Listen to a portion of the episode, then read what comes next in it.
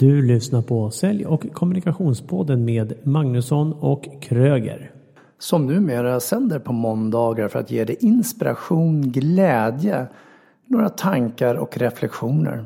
Och jag är Mikael Kröger. Jag är coach, jag föreläser, utbildar ledarskap och jag är chef på ett bemanning och rekryteringsföretag. Och jag är Daniel Magnusson och jag är säljcoach och jag hjälper säljare, säljchefer och entreprenörer att sälja sig själva mycket mer och mycket bättre. Ett stort tack till våran samarbetspartner Lundalogik, Sveriges främsta leverantör av CRM och säljverktyg. Och Kröger, jag vet att du använder Lime. Hur då? Vi använder det så att vi hittar nya kunder. Vi håller koll på vår säljpipe för att driva säljet. Och eh, vi vårdar våra kunder. Det är ett eh, skitbra system. Testa själv. Och det gör du enkelt på lundalogik.se slash gott snack. Nu kör vi igång.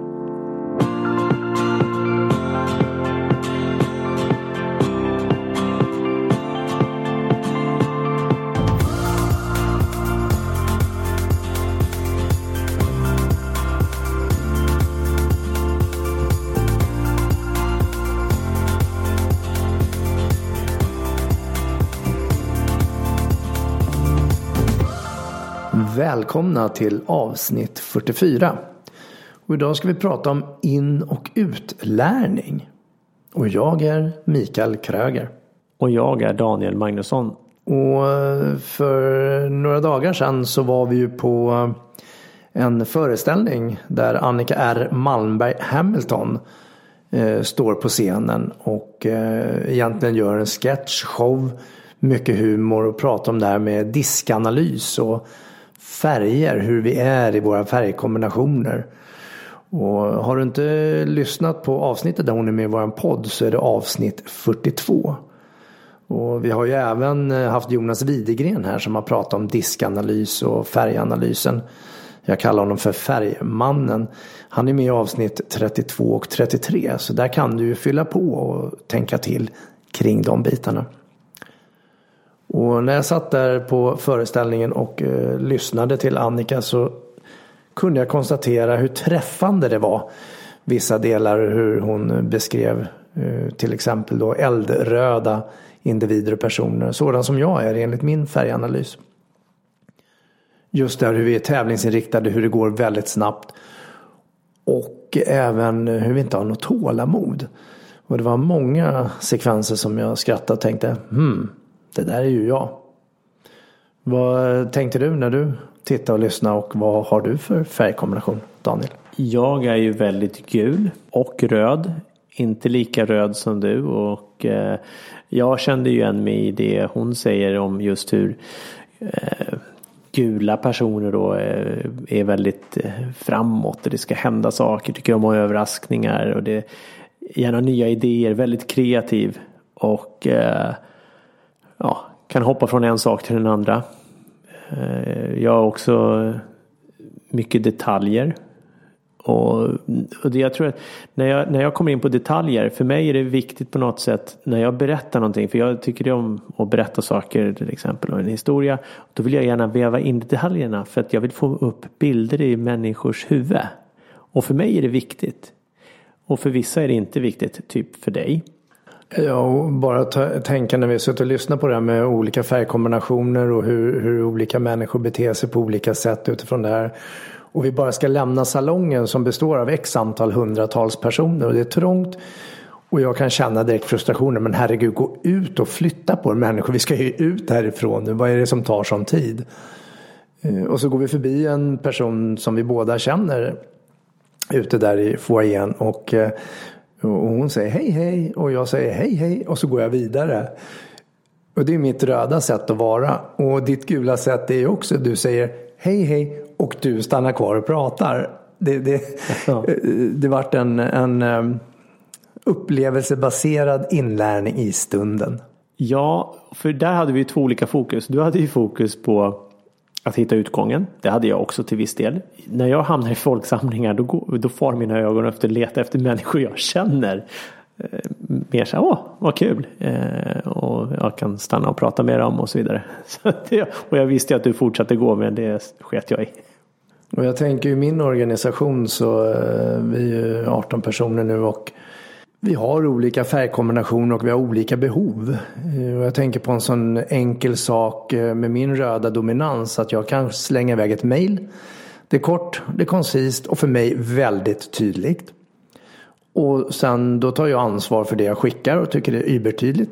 Och den som tar emot och läser kan ju tänka att gud vad hårt det här var eller vad menar han egentligen? Och det dyker upp fantasier om de då inte också är röda så som jag. För är de det, ja då är det klart. Men är det någon gul, ja då kan de börja poppa upp där och tänka så ja men herregud, ska vi inte stå på scen och prata om det här en stund? Och är det någon som är grön så, är men har alla verkligen förstått det? Får alla vara med och delaktiga? Ska vi inte prata om det här? Och är den blå så börjar de fundera på vad är det för problem vi stöter på längre fram. Och nu raljerade jag. Men eh, det, det är kul att, att, se de här olikheterna och också komplext. Ja, och i slutändan så handlar det om att vi behöver få en förståelse om att människor är olika och ha en acceptans för det. Och om vi tittar på inlärning då. Eh, då är ju människor olika också. Och då gäller det att ha det i åtanke såklart. Eh, när vi utbildar och lär ut. Och jag kan ju ha fantasier eh, om jag håller en utbildning för en grupp människor. Eh, jag hämtar energi hos andra människor så att jag, jag tittar dem ju gärna i ögonen. Och jag kan ju ha en fantasi över att om någon sluter ögonen så är de trötta eller ointresserade. Eh, nu vet ju jag att vi lär in på olika sätt så en del kanske sluter ögonen och funderar. En del sitter och ritar för att förstå bättre, en del skriver ner och andra är mera jakande och möter med ögonkontakten. Och det vet ju jag, eh, men jag hämtar upp energin ifrån att titta folk i ögonen så att jag använder ju gärna de människorna för att få, få min kraft. Men inlärningen är ju olika. Och en del människor behöver ha tid och en del går ju mycket snabbare för. Och det finns ju inget rätt eller fel i det utan det är ju bara att vi behöver reflektera på olika sätt. Vad tänker du om det? Ja, framförallt det sista, just reflektera. Att vi behöver reflektera över det vi har tagit in. Oavsett om det är under en, en utbildning eller att vi har läst någonting eller sett eller hört någonting. Att reflektera, vad, vad innebär det här för mig? På vilket sätt kan jag nyttja det här? Eh, vad tar jag med mig av det här? Vad tyckte jag var bäst? För att fokusera om vi ska plocka ut en sak i det hela. Och jag tänker lite just det här med möta upp med ögonen. För att om det är så att du sitter på en föreläsning så kan du ju ha det i åtanke också att likväl som du vill att personen som står på scenen ska se dig så kan du ju också tänka tillbaka att den som då står på scenen och mer bildligt talat också vill mötas upp av en eh, ögonkontakt.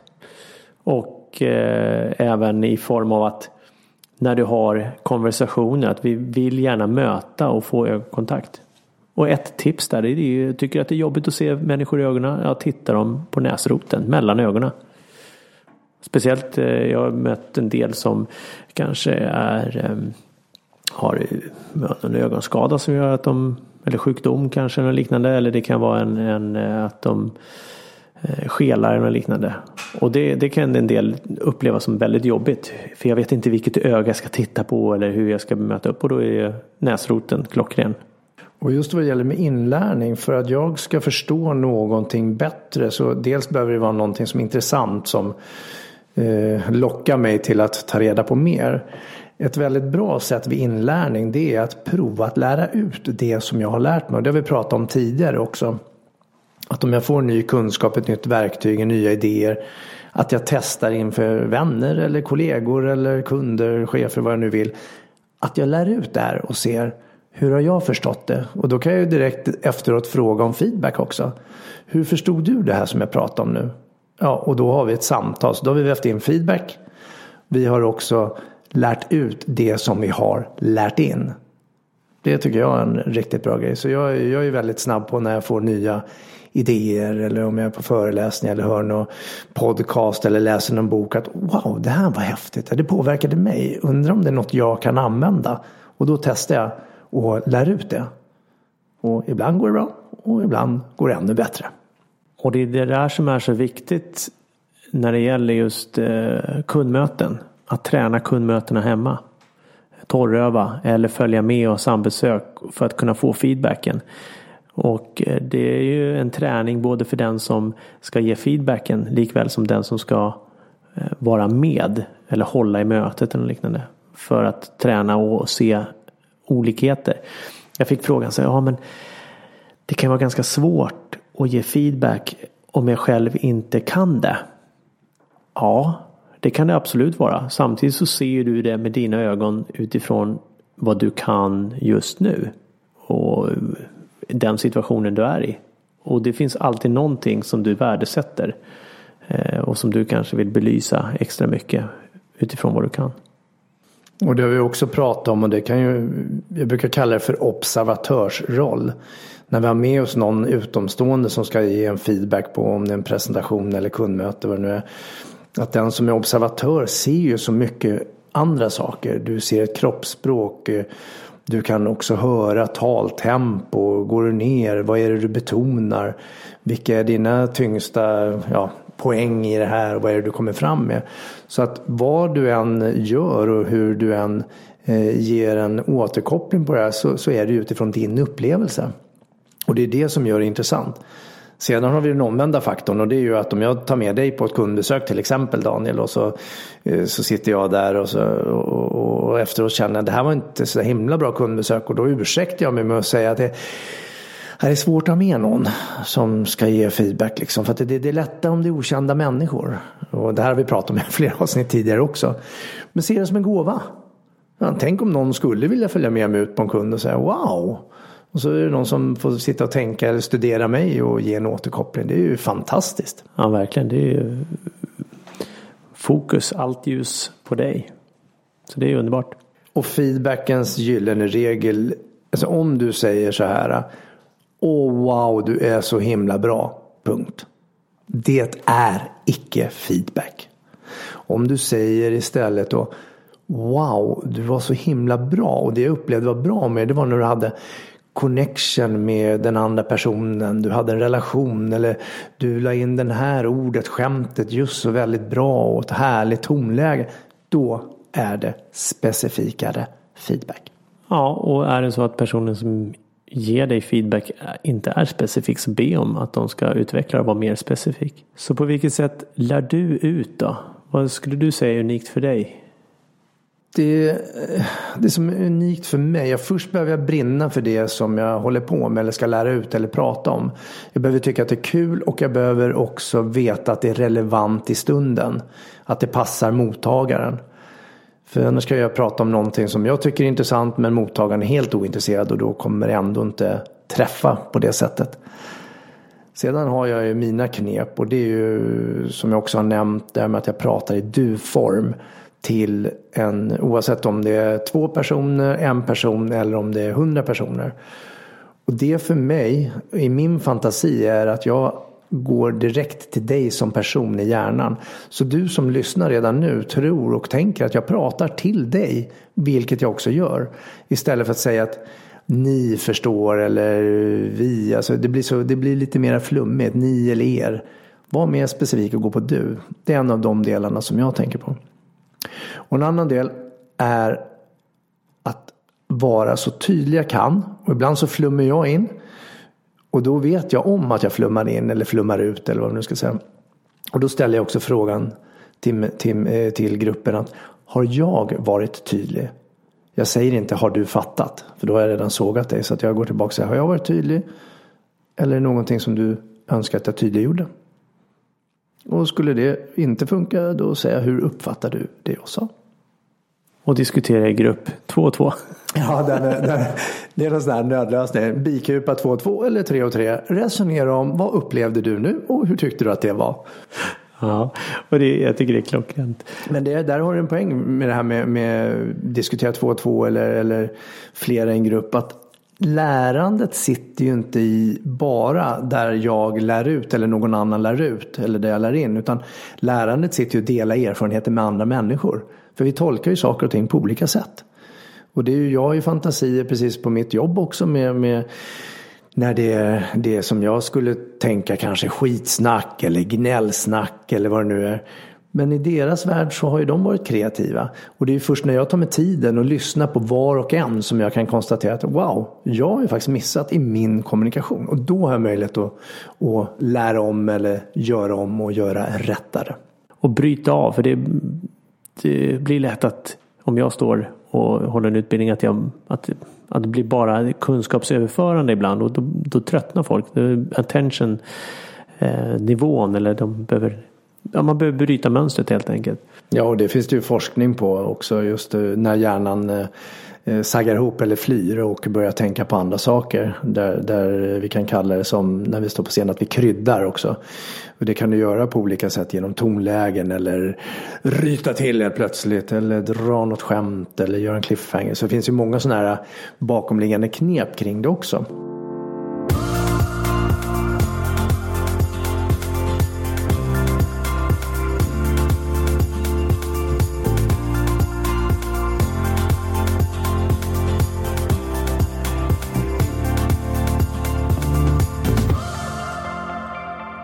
Byta perspektiv tycker jag är kul. I form av att, att jag flyttar på mig. Mm. Jag hade en, en workshop där jag hade, stod framme vid tavlan så hade jag sådana blädderblocksblad uppe, upptejpade. Och hade vikt dem i halvor så att de inte såg dem. Och sen så pratade jag om en sak. Och sen bara, ja, och nu ska vi prata om det här. Så gick jag till andra sidan rummet där jag hade klistrat upp någonting. Och första tanken med det var ju så här att ja, det fanns inte plats riktigt där jag stod. Sen har jag väl tänkt, ja men det blir bra. Då bygger jag upp hela workshopen runt det och det slutade med att de följer mig och så vrider alla på stolarna. Det händer någonting här plötsligt. Så att, eh, och, och apropå just det med grupparbete, någonting som brukar säga, vad, vad, skulle du vilja ha mer av? Ja, då är det så här, ja, mer gruppdiskussioner. Mm. För folk pratar förmodligen alldeles för lite mellan varandra på företag och diskutera lösningar. Det är en jätte, jättebra poäng. Tänk hur många möten vi sitter i i företagandet. Inte där vi kanske har direkt säljprocess och det men de här interna mötena som suger in energi emellanåt och ibland så ger de energi också. Att byta perspektiv eller byta stol med grannen eller stå på ett möte eller ta bort konferensbordet och sitta i en cirkel istället och börja prata om det som verkligen är viktigt. Eh, hur många företag, organisationer som har traditionella en timmes måndagsmöte. Jag tror det är väldigt, väldigt många som har det. Vi har 45 minuter. Jag vet inte varför vi har exakt 45 minuter. Det har blivit så. Förutom eh, här om eh, måndagen så hade inte våra konferensstolar kommit till nya rummet. Så vi hade ett ståmöte och vi hann med samma avhandling och diskussion på 25 minuter som vi hinner på 45 minuter. Var vi effektivare? Vet ej. Var det bekvämt? Ja, det kändes skönt att stå. Och det är ju annorlunda. Våga göra något annorlunda. Så sitter du på dina sugiga, energidränerande möten. Testa att göra något annat. Ja, och är det så att du inte sitter och leder dem kom med förslaget för att hitta på någonting. Och i ditt fall då Kröger så tänker jag att du vart ju jätteglad. 25 minuter, hmm, hur kan vi minska ner det här till nästa gång? Det passar min röda profil. Eh, och hade du varit med Daniel med din gula profil så hade du säkert hittat på något väldigt kul att prata om. Det kunde väl varit någon utlandssemester eller någonting annat. Och det, jag säger inte att det är fel. Dock så uppskattar Eh, min profil, den röda profilen, inte det i mötesforum. Utan då, jag ser ju gärna att vi avhandlar så snabbt som möjligt. Det kan ju vara en tävling mot klockan. Ja, när vi kör på 25 minuter. Hur kör vi på 24 minuter nästa gång? Och samtidigt inte släppa värdet av det. För det, gäller, det handlar ju alltid om att det ska inte bara gå snabbt utan det ska ju vara värdefullt också. Jag avslutar eh, samtliga möten med vad har varit det bästa för dig? Och det gör jag oavsett om det är möte på två personer eller om det är en organisationsmöte eller om det är en utbildning. Exakt. Just att locka fram vad har varit det bästa. Och det är också ett sätt att se att alla får säga någonting. För en del människor har inte behov av att prata och eller tror att de inte får prata. Och eller så är det en sån som jag som pratar på rätt snabbt och ibland glömmer jag bort andra färgkombinationer. Och de är lika viktiga för mig också. Jag tänker så här, har du en timmes möte, ja men då kommer du fylla det med innehåll för en timme. Sätter du 45 minuter, ja då kommer du in, alltså du får plats med alltihopa. Kanske inte alltid 25 minuter då, då men ja. Tydlig agenda. Ja, tydlig agenda. Och sen återigen, våga prova. Gör det en gång. Ha ett 25 minuters möte en gång. Ha en timmes möte en gång. Prova det som passar. Det som ger dig mest energi egentligen. Och sen, eh, nu har vi pratat mycket färger här och hur vi är och det, det är ju väldigt intressant att kommunicera och vi är ju människor. Vi är olika och det sa ju Annika här också när hon var i studion. Att vi är olika och vi behöver ju acceptera att vi är olika och vad kan jag göra åt situationen? Vad kan jag göra åt min olikhet till dig? Jag kan ju sitta och såga dig för att du är flummig och gul och studsar ut. Medan jag funderar på när vi skulle kunna vara klara. Och istället för det så är det kanske bättre att säga jag uppskattar din flexibilitet och du har så mycket att prata och berätta om och så vidare. Och ibland så är det rent skitsnack för det är regelrätt manipulation för att du ska må bra så bedömer jag dig. I själva verket ska jag bara kunna säga ja, nu kör vi vidare. Vad har du för knep när du håller i utbildningar eller sammankomster? Förutom det som jag nämnde tidigare med att byta perspektiv och få folk att ja, röra sig åt andra håll och så vidare så ska jag säga att, att lägga in mycket humor och vara snabbtänkt. Jag är snabbtänkt. Det poppar upp nya idéer och jag är kreativ. Och jag har en förmåga att hugga snabbt på saker som sägs i rummet. Och eh, för att lätta upp och få skratt. För det ökar i alla fall inlärningen enligt mig. Just att, att det blir avslappnat snabbt och att de märker att jag också är avslappnad och inte stel. Utan då, då kan folk slappna av och ha lite kul och skämta tillbaka också. Och, och våga vara sig själva skulle jag säga. Ja precis, och det handlar om att jag öppnar upp mig, då kan andra öppna upp sig. Och då har vi ju det som vi också kallar för alltså en annan relation eller rapport. Där vi vågar kanske utmana lite, lite extra.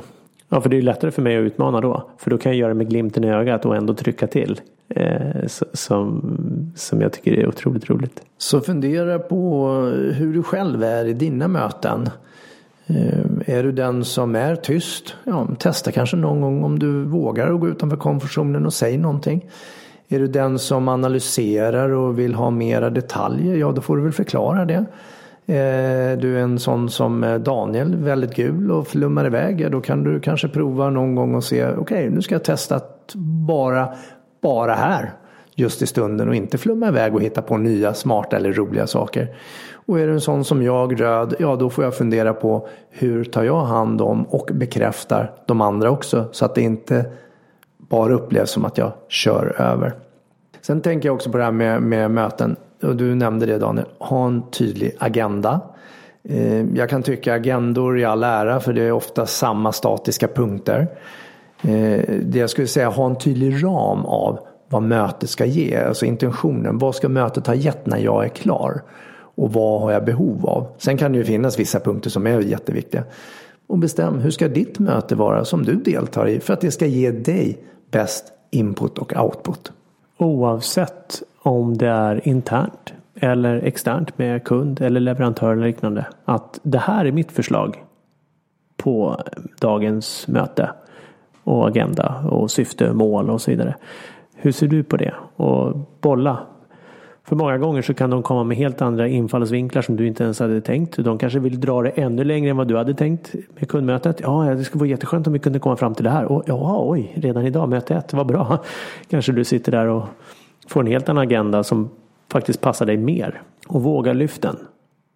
För då kommer också kunden i det fallet hjälpa dig att komma ihåg vissa punkter. Typ eh, bestämma nästa datum för nästa möte. Som du kanske själv har en tendens att glömma bort ibland. Och interna möten som du har om och om igen med dina kollegor, chefer och annat. Avsluta med en feedbackrunda. Och i form av vad har varit det bästa för dig? Det är ett enkelt sätt. Men också passa på att ge beröm till den andra. Säga, när du sa det där, det gillade jag för det hjälper mig i min vardag eller vad du nu hittar på. Men träna på att ge feedback. Och med det så vill vi önska dig en fantastisk vecka och ha fantastiska möten. Alltså typiskt dig att ta din gula sida och snurra ut. Jag säger så här, kör hårt. Hej då.